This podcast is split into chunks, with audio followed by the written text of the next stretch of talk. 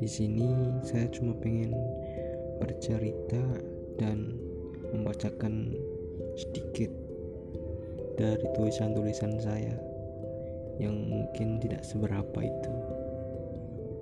Tapi semoga bisa kalian dengarkan dan kalian nikmati.